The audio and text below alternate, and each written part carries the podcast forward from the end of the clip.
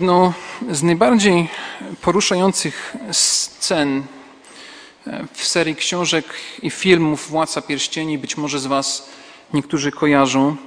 Przynajmniej dla mnie jedną z najbardziej poruszających scen w tej serii książek czy też filmów jest wtedy, kiedy główny bohater e, Hobbit, taka postać o imieniu Frodo, obawia się o to, co nadejdzie. Martwi się wydarzeniami, jakie go spotkają, jakie spotkają jego przyjaciół, jakie spotkają wszystkich żyjących w świecie stworzonym przez autora Tolkiena, w. Tak Śródziemiu. Boi się o to, co się wydarzy. I odbywa wtedy taką rozmowę z inną ważną postacią, takim mędrcem, byśmy powiedzieli, Gandalfem. I ten krótki dialog w tej książce brzmi w ten sposób. Wolałbym, żeby to się nie zdarzyło akurat za mojego życia, powiedział Frodo. Ja także, odpowiedział Gandalf. Podobnie jak wszyscy, którym wypadło żyć w takich czasach. Ale nie mamy na to wpływu. Od nas zależy jedynie użytek, jaki zechcemy zrobić z darowanych nam lat. Podobnie jak wszyscy, którym wypadło żyć w takich czasach, ale nie mamy na to wpływu. Od nas zależy jedynie użytek, jaki zechcemy zrobić z darowanych nam lat. Myślę, że to w tej książce która jest napisana i ma takie w zasadzie częściowo chrześcijańskie przesłanie, jest tutaj ujęta niezwykle ważna prawda. E, mianowicie taka, że realnie nie mamy wpływu na to, w jakich czasach żyjemy. Chcielibyśmy mieć wpływ, ale są pewne rzeczy w naszym życiu, na których wpływu nie mamy. Są sytuacje, są rzeczy, które byśmy nie chcieli, żeby miały miejsce za naszego życia. Może życie byłoby prostsze, może w jakiś sposób łatwiej byłoby nam pójść za Bogiem wtedy. To, na co mamy wpływ, to jest nasza perspektywa na otaczający nasz świat i nasza perspektywa na Boga, któremu służymy. I chciałbym w tym zakresie zadać może Wam pytanie, które prawie od tygodnia, czy też ponad tygodnia chodzi mi po głowie, przygotowując się do tego kazania. Co jeśli przyjdzie taki dzień, gdzie wierzący w przyszłości będą patrzyli na nas dzisiaj żyjących w Polsce, dzisiaj żyjących w Europie, dzisiaj żyjących na świecie, będą na nas patrzyli i postrzegali nas jako ludzi, którzy żyją w pierwszym kościele. Jako ludzi, którzy żyli w tych pierwszych czasach Kościoła. Jak, jak będą na to patrzyli? Zdaję sobie sprawę, że jest to dosyć abstrakcyjne pytanie, bo wykracza ponad naszą wyobraźnię, wykracza poza to, co widzimy w otaczającym nas świecie. I łatwo jest patrzeć na to, co się dzieje w świecie i się zastanawiać przypadkiem, czy już teraz koniec się nie zbliża. Czy już teraz, zaraz będzie koniec. I już nawet za mojego życia przyjdzie Chrystus. I już wszystko się skończy i nie będzie niczego, jak to cytując klasyka. Nie jest to nowe nastawienie, nie jest to coś, co dopiero teraz nagle chrześcijanie odkryli. Jest to coś, co w zasadzie kierowało myślą chrześcijańską przez lata, przez wieki, że spodziewamy się przyjścia rychłego Chrystusa. Ale równocześnie łatwo jest nam patrzeć na wydarzenia w świecie i one nam dyktują to, jak mamy żyć, to, jak Kościół ma żyć, to, jak mamy funkcjonować. Że nie dyktuje nami nasz Bóg, jakby Jego słowo, ale dyktuje nami kultura czy też świat, ponieważ tak teraz jest. Kiedyś tak nie było, teraz jest gorzej niż było wtedy. Marcin Luther w swoim wstępie do księgi Jeremiasza napisał tak. To jest komentarz do Biblii, napisał w komentarzu do Biblii tak. Teraz, skoro zbliża się koniec świata, ludzie powstają i okropnie się wściekają na Boga, bluźnią przeciwko Bogu i przeklinają Jego słowo Gdyby dzień ostateczny nie był bliski, nie byłoby niczym dziwnym, gdyby niebo i ziemia upadły. Fakt, że Bóg może tolerować takie rzeczy, jest znakiem, że ten dzień nie jest daleko. Fakt, że Bóg może tolerować takie rzeczy, jest znakiem, że dzień ten nie jest daleko. Moi drodzy, to było prawie 500 lat temu. Już 500 lat temu chrześcijanie byli przekonani, że świat jest tak zepsuty, że to już musi być koniec, że są takie wojny, że jest tak źle, są tak wielkie armie, że już dłużej nie pożyjemy. Były też straszne choroby w tamtych czasach i to kierowało ludzkie myśli w to, że już jest koniec. I w tym fragmencie, jaki dzisiaj będziemy czytali, zobaczymy, że Jezus obiecuje Kościołowi Filadelfii, że przyjdzie rychło, że przyjdzie szybko, że Jego przyjście już jest niedługo. I to było wiele więcej niż 500 lat. To już jest prawie 2000 lat od czasu, kiedy ten list był tego zboru napisany. Jest to obietnica, przyjście Chrystusa jest obietnicą dana Kościołowi. I mam nadzieję, że jest to obietnica, która jest również żywa w nas, że my wołamy, Panie Jezu, przyjdź. A równocześnie nie wiemy, jak będzie wyglądała nasza przyszłość. Nie wiemy, jaki będzie ustrój za kilka lat, jak będzie wyglądała sytuacja w Polsce za kilka lat, jak będzie świat funkcjonował, czy władza będzie sprzyjająca praktykowaniu wiary, czy też nie będzie sprzyjająca praktykowaniu wiary. Tego nie wiemy. Po prostu. Świat się tak szybko zmienia, góry, rzeki, ale nie zmienia się nasz Pan.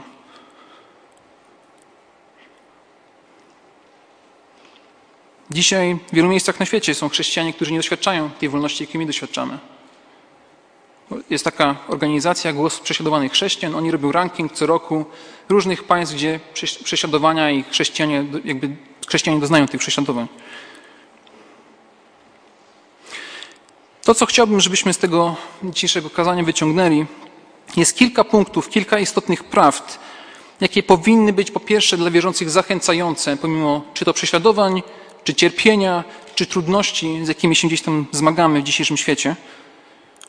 Dla wierzących, żeby to było zachęcające, pomimo tego, co widzimy w różnych telewizorach, w internecie. Tego jest dużo i to nas przytłacza. Jeżeli mówimy, że to nas nie przytłacza, dobrze, jeżeli faktycznie tak jest, ale czasami tak staramy się dawać dobrą twarz do złej gry. Ale równocześnie zobaczymy kilka naprawdę takich podstawowych praw, które pokazują, w jaki sposób ma funkcjonować Kościół, który się podoba Bogu. Kościół, który ma żyć jak Kościół, ludzie wierzący, którzy mają żyć jak ludzie wierzący, bez względu na to, jak wygląda sytuacja na świecie. Otwórzcie proszę objawienie Jana. Będziemy czytać wiersze od 7 do 13. E, trzeci rozdział. Dziękuję bardzo za przypomnienie. Objawienie Jana, trzeci rozdział. Będziemy czytać wiersze od 7 do 13. A do anioła zboru w Filadelfii napisz. To mówi święty, prawdziwy, ten, który ma klucz Dawida, ten, który otwiera, a nikt nie zamknie, i ten, który zamyka, a nikt nie otworzy. Znam uczynki Twoje, oto sprawiłem, że przed Tobą otwarte drzwi, których nikt nie może zamknąć. Bo choć niewielką masz moc, jednak zachowałeś moje słowo i nie zaparłeś się mojego imienia. Oto sprawię, że ci z synagogi szatana, którzy podają się za Żydów, ani mi nie są, lecz kłamią, oto sprawię, że będą musieli przyjść i pokłonić się Tobie do nóg i poznają, że ja Ciebie umiłowałem, ponieważ zachowałeś nakaz mój, by przy mnie wytrwać. Przeto i ja zachowam Cię w godzinie próby, jaka przyjdzie na cały świat, by doświadczyć mieszkańców ziemi. Przyjdę rychło, trzymaj co masz, aby nikt nie wziął korony Twojej. Zwycięzcę uczynię filarem świątyni Boga mojego i już z niej nie wyjdzie. I wypisz na nim imię Boga mojego i nazwę miasta Boga mojego, nowego Jeruzalem, które wstępuje z nieba od Boga mojego i moje nowe imię. Kto ma uszy, niechaj słucha, co Duch mówi do zborów. Panie Boże, dziękujemy Ci za, za Twoje słowo. Dziękujemy Ci, Panie, że Ty nas zmieniasz, Ty nas poruszasz. Panie, Ty nas pokrzepiasz i nas przemieniasz na swój obraz i swoje podobieństwo. Panie, tak Cię prosimy teraz, żebyś używał tego czasu właśnie do tego. O to Cię, Panie, prosimy w imieniu Jezusa Chrystusa. Amen.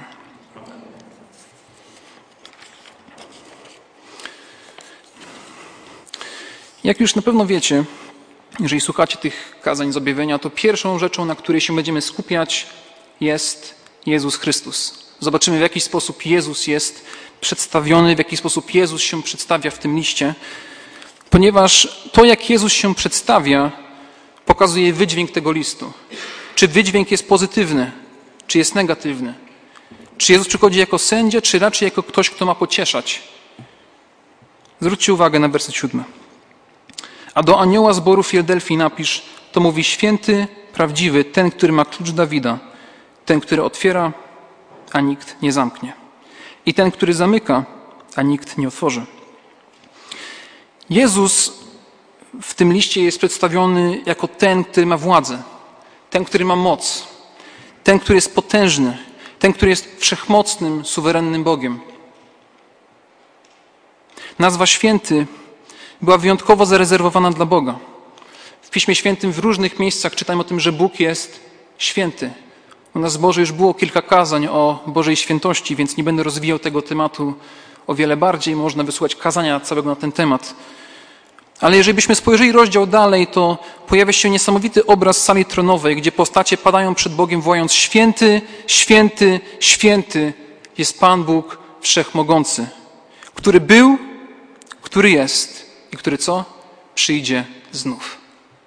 Który przyjdzie znów. Tutaj Jezus jest po pierwsze utożsamiony z Bogiem. Jezus jest Bogiem. Co więcej, Słowo święty w tym kontekście ma również wydźwięk mesjanistyczny. Znajduje się wypełnienie pewnych zapowiedzi mesjanistycznych. W Ewangelii Marka w pierwszym rozdziale jest taka sytuacja, gdzie Jezus przymawia w synagodze i znajduje się tam człowiek opętany różnymi demonami. Jezus przemawiając, nagle jest przerwany w pół słowa. Dlaczego? Bo przemawia z autorytetem. I ten opętany człowiek, który tam przybył, wrzasnął i krzyknął: Cóż mamy z Tobą, Jezusie Nazareński? Przyszedłeś nas zgubić. Wiem, kim jesteś, święty Boże. Święty Boże. To jest kilka razy się taki wydźwięk mesjanistyczny pojawia, jeżeli chodzi o Jezusa. Więc mamy Jezusa, który jest Bogiem, mamy Jezusa, który jest Zbawicielem, który jest Mesjaszem i równocześnie jest to powiązane z tym, że Jezus jest tym prawdziwym Mesjaszem.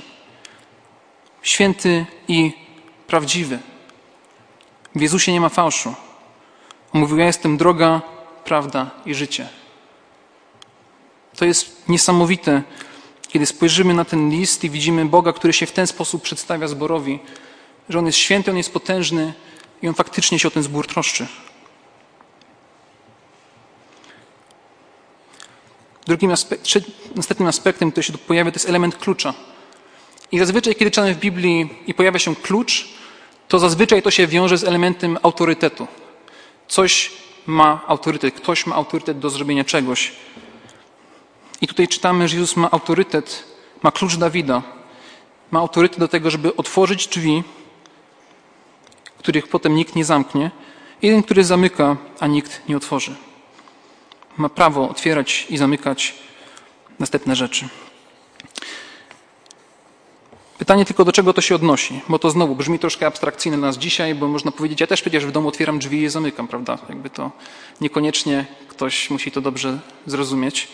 Ale to znowu się odnosi do Starego Testamentu, bo Księga Objawienia bardzo często odnosi się do Starego Testamentu.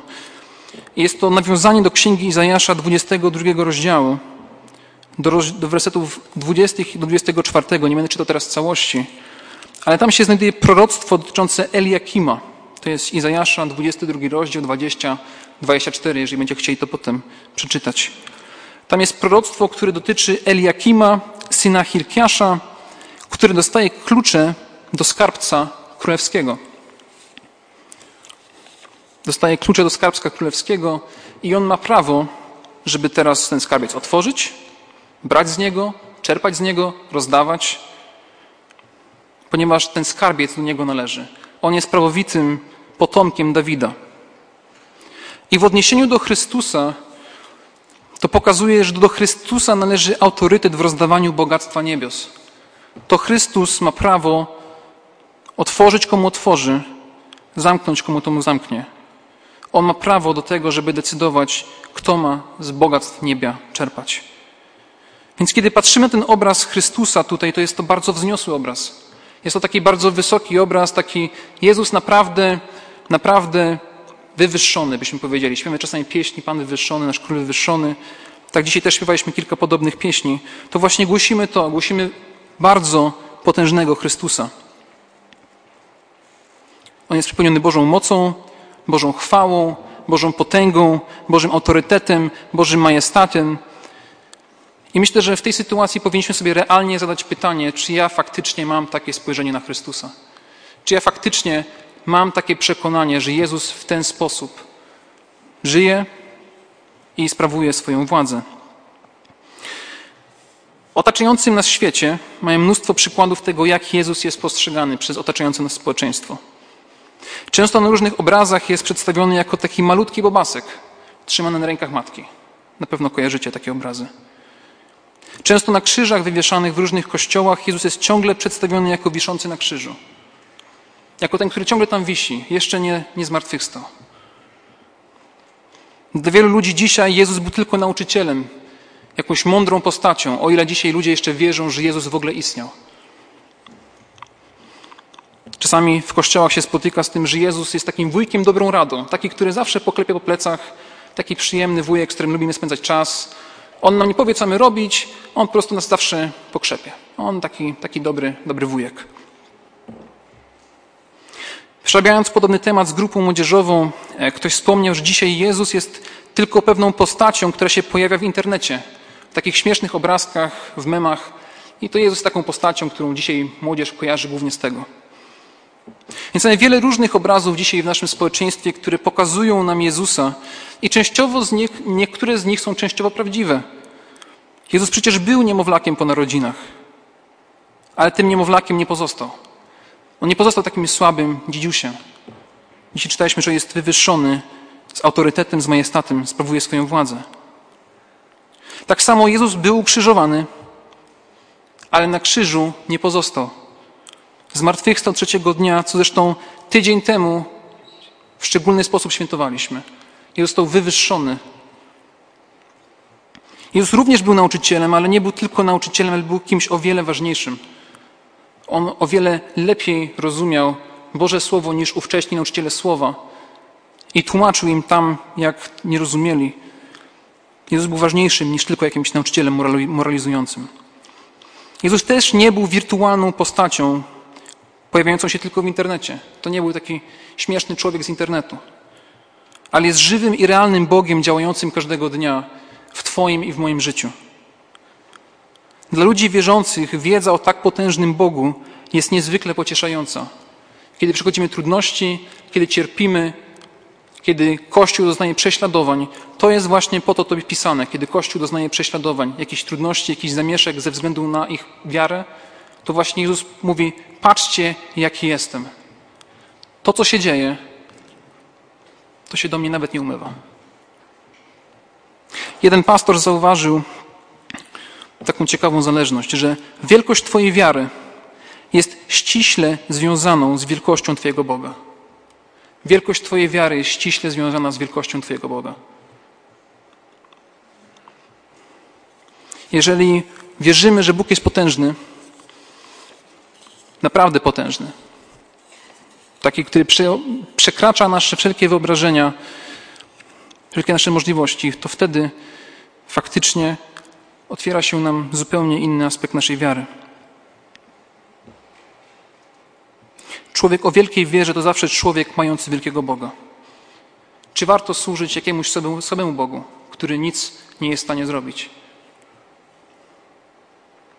Tak samo Kościół o wielkiej wierze to zawsze będzie Kościół mający wielkiego Boga. I wtedy nie ma znaczenia, czy się przechodzi te prześladowania, czy się przechodzi te cierpienia, czy też po prostu doświadczenie codzienności w różnych naszych utrapieniach. Jeżeli mamy wielkiego Boga, to wiemy, komu służymy. I teraz Jezus przechodzi od tego, co On mówi o sobie. I przenosi to, co mówi o sobie, do tego, co ma miejsce w Kościele. I mówi, znam uczynki Twoje, werset ósmy.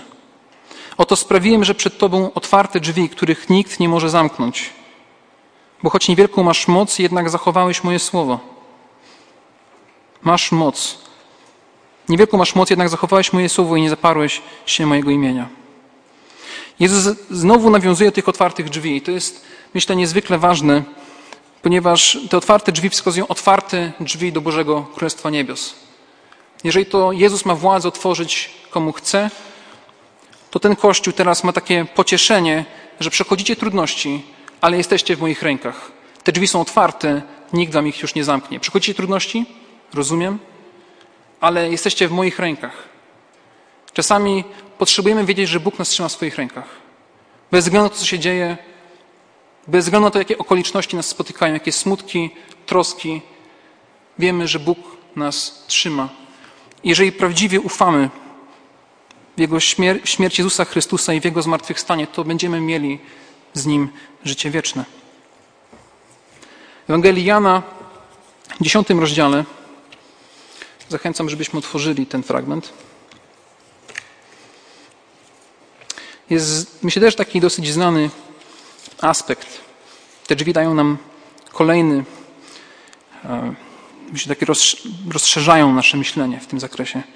Ewangelia Jana, 10 rozdział, od siódmego wiersza do dziewiątego. Wtedy Jezus znowu powiedział: Zaprawdę, zaprawdę powiadam wam, ja jestem drzwiami dla owiec. Wszyscy, ile przede mną przyszło, to złodzieje i zbójcy, lecz owce ich nie słuchały. Ja jestem drzwiami, jeśli ktoś przeze mnie wejdzie, zbawiony będzie. I wejdzie, i wyjdzie, i pastwisko znajdzie. Jeżeli jesteś człowiekiem wierzącym, zaufałeś Chrystusowi, zaufałaś Chrystusowi, to wchodzisz do pastwiska, w którym cię trzyma bezpiecznie pasterz, który cię pilnuje, który cię strzeże, który się wspiera.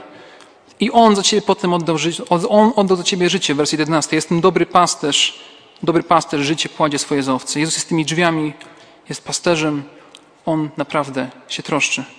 I to jest oczywiście wezwanie dostępne dla każdego. Każdy może dzisiaj przez te drzwi przejść. Wystarczy powiedzieć, Panie Jezu, przebacz mi. Wierzę, że jesteś moim Panem, moim Zbawicielem i przechodzimy przez te drzwi do miasta, do nowego życia.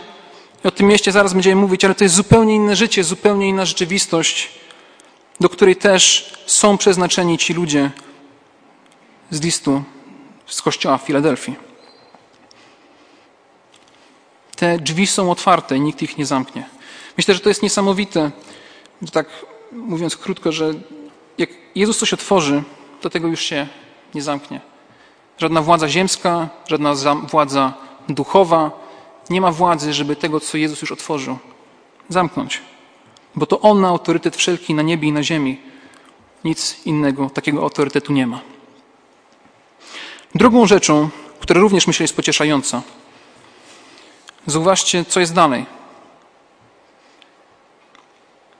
Bo choć niewielką masz moc, i to jest chyba taka rzecz, która też czasami troszkę uderza współczesne postrzeganie Kościoła. Bo dzisiaj kościoły muszą być duże, muszą być prężne, muszą w jakiś szczególny sposób działać, a nie zawsze wielkość oznacza jakość, byśmy tak może powiedzieli. Nawet najmniejszy człowiek wierzący, nawet najmniejszy kościół, który ufa Chrystusowi, który jest mu wierny, jest tak samo cenny jak ten duży kościół. Najmniejszy wierzący, ten, który być może przechodzi przez swoje życie czasami powątpiewa, ma jakieś trudności, jeżeli faktycznie zaufał Chrystusowi, to przejdzie przez te drzwi. Te drzwi są otwarte, nawet dla najmniejszego z wierzących. Być może dzisiaj jesteś taką osobą, która doświadcza może jakiejś wątpliwości w swojej wierze, może trudno w tych sytuacjach, w jakich się znajdujemy, się gdzieś tam odnaleźć. I ta wiara tak nie do końca jest w takim miejscu, w jakim byś chciał, byś chciała. Może to jest czas, żeby faktycznie odnowić swoją, swoją swoją wiarę w Chrystusa. Być może to jest czas, żeby po prostu zaufać Chrystusowi i iść za Nim wiernie. Nie ma zbyt małego wierzącego albo zbyt małego kościoła. Być może ktoś nas ogląda w internecie, jest z jakiegoś małego zboru. Ta sama zasada. Nie ma zbyt małego kościoła dla Chrystusa. Nie ma zbyt małego kościoła dla Chrystusa. Masz małą moc. To był mały zbór, nie wiemy wiele o tym zborze, ale wiemy, że zarówno oni, jak i z zewnątrz byli postrzegani jako coś małego, coś, co nie ma zbyt dużej siły. Ale to, co mają, to mają Chrystusa. Jego się trzymają. I to widzimy w, kolejnym, w kolejnej części tego wiersza. Małą masz moc, jednak zachowałeś moje słowo i nie zaparłeś się mojego imienia. To jest w zasadzie klucz, kiedy mówimy o długotrwałości wierności. Kiedy mówimy o tym, że chcemy planować swoje życie na długi czas, to jednym z podstawowych aspektów wierności jest posłuszeństwo. W jaki sposób można być wiernym, to już na różnych kazaniach to było przerabiane. Są różne aspekty wierności, a tutaj kluczowym aspektem, jeżeli chodzi o może nie przetrwanie, ale faktyczne takie służenie Bogu, jest po prostu posłuszeństwo. Masz moc, jednak zachowałeś moje słowo i nie zaparłeś się mojego imienia. W pierwszym liście Jana, w piątym rozdziale, czytamy, że posłuszeństwo jest jedną z najbardziej charakterystycznych cech osoby wierzącej. Że posłuszeństwo Bogu to nie jest nakaz, to nie jest jakieś coś, co musimy robić, bo musimy w ten sposób Bogu się przypodobać. Raczej robimy to, ponieważ chcemy służyć Bogu, który już za nas wszystko poświęcił. Piąty rozdział, piąty rozdział pierwszego listu Jana, trzeci werset jest napisany tak. Na tym bowiem polega miłość ku Bogu, że się przestrzega przykazań Jego, a przykazania Jego nie są uciążliwe. Jego przykazania nie są uciążliwe. Zmienia się nasze nastawienie do Bożego prawa. Nasze serca zostają przemienione i zmienia się to, co nas wcześniej odstraszało, w coś, co staje się dla nas czymś pięknym, czymś wspaniałym, czymś, czego chcemy doświadczać każdego dnia, pomimo tego, co mówi nam kultura na przykład. Pomimo tego, jak nakazuje nam świat. Jeżeli mamy praktyczne, faktyczne przemiany serca, to to będzie w naszym życiu widoczne. I każdy pojedynczy członek Kościoła, każda osoba, jeżeli w ten sposób będzie postrzegała swoją wiarę, to cały Kościół też w ten sposób będzie postępował. Mamy wiarę w Chrystusa, posłuszeństwo Chrystusowi i trzecim aspektem tych punktów, które w zasadzie powinny charakteryzować ludzi wierzących, czy też Kościół, to jest po prostu wierność Chrystusowi. Wierność Chrystusowi i to jest ta wierność, znowu mówiłem o tym w różnych kazaniach, w różnych miejscach. I ta wierność, Bóg nas nie wspiera. Jakby to nie jest nakaz, że bądź wierny, dobrze będę teraz wierny i będę się starał wszystko, żeby być wiernym. To wychodzi naturalnie z naszego codziennego życia. Równocześnie widzimy, że to nie jest takie łatwe. Są różne zbory, które w jakiś sposób nie spełniają tego, tak jak Bogu się to podoba i widzieliśmy to w innych, w innych zborach, w innych listach, że tam nie zawsze to idzie tak, jak to iść powinno. Dlatego nie upadajmy na wierze, jeżeli coś nam nie idzie tak, jakbyśmy chcieli. Bóg nas podniesie, Bóg nas wesprze i On nas będzie wspierał w tym, żebyśmy dotrwali do końca. My nie, my nie docieramy do końca, bo my chcemy dotrzeć. My docieramy, ponieważ Bóg nas w tym wspiera. Zwróćcie uwagę na werset dziewiąty. Oto sprawie, że ci z synagogi szatana podają się za Żydów, a nimi nie są, lecz kłamią. Oto sprawie, że będą musieli przyjść i pokłonić się Tobie do nóg i poznają, że ja Ciebie umiłowałem. To jest jeden z takich ciekawszych wersetów, myślę, tutaj w tym, w tym liście, bo pokazuje taką ciekawą zależność, która się pojawia w Starym Testamencie. W Starym Testamencie to Żydzi się spodziewali, że to królowie pogańscy się będą kłaniali im.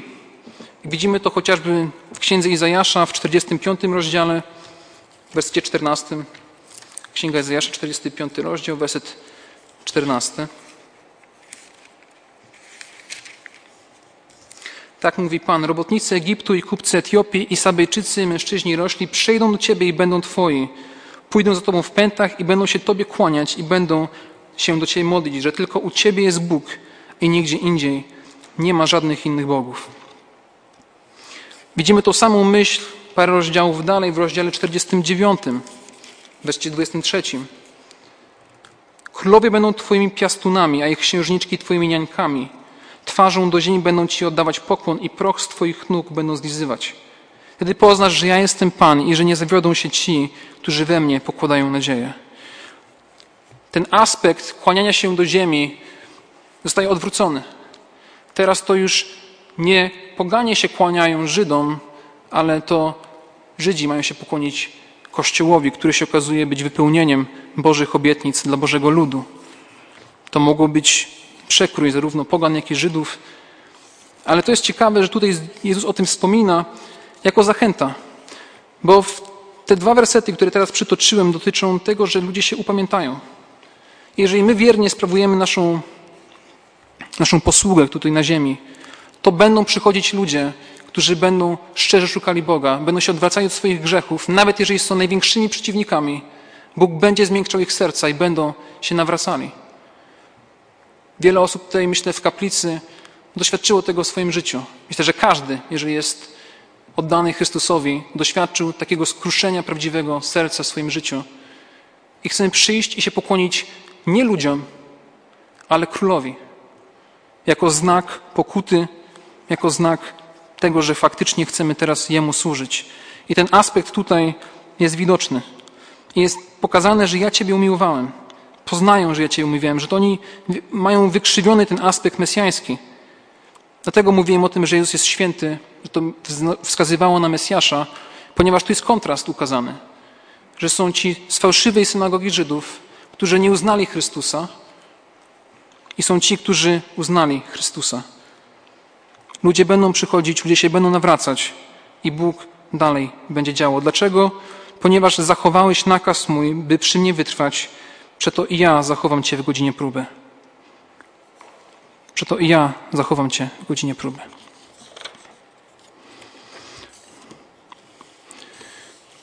W Biblii widzimy różne aspekty próby. Widzimy próbę jako szczególny Boży sąd na tych, którzy są zgubieni. Aczkolwiek tutaj, w tym zakresie, prawdopodobnie chodzi to i o inne trudności, o kwestie ekonomiczne, o kwestie wojny, może jakieś kwestie katastrofy klimatycznej, która gdzieś tam się zbliża. I jak to może być, że Bóg trzyma wierzących bezpiecznie od tego wszystkiego? Jak to jest, że kiedy świat się wali, to my możemy powiedzieć, my jesteśmy bezpieczni? Jak to jest? I to się znowu wiąże z tym niebiańskim błogosławieństwem, z tym niebiańskim skarbem, który Chrystus już nam zapewnił. Jeżeli my jesteśmy w Chrystusie, to bez względu na to, co by się nie działo na świecie, jesteśmy w Nim. Przejdziemy przez te drzwi, będziemy z Nim żyli na wieki. Ludzie wierzący powinni w inny sposób podchodzić do różnych katastrof w naszym świecie. Naprawdę to powinno być widoczne. Powinniśmy być ludźmi pełnych nadziei, pełnej otuchy, tego, że nie wszystko jest stracone. Powinniśmy być takim jasnym blaskiem w świecie, gdzie ludzie nie widzą nadziei. Nadzieja jest w Chrystusie i On to nam zapewnia. Być może dzisiaj jesteś osobą, która boi się.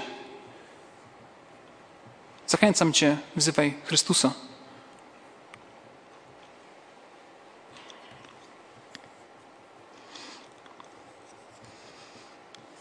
Werset 11 mówi o tym, że przyjdę rychło. Trzymaj, co masz, aby nikt nie wziął korony Twojej.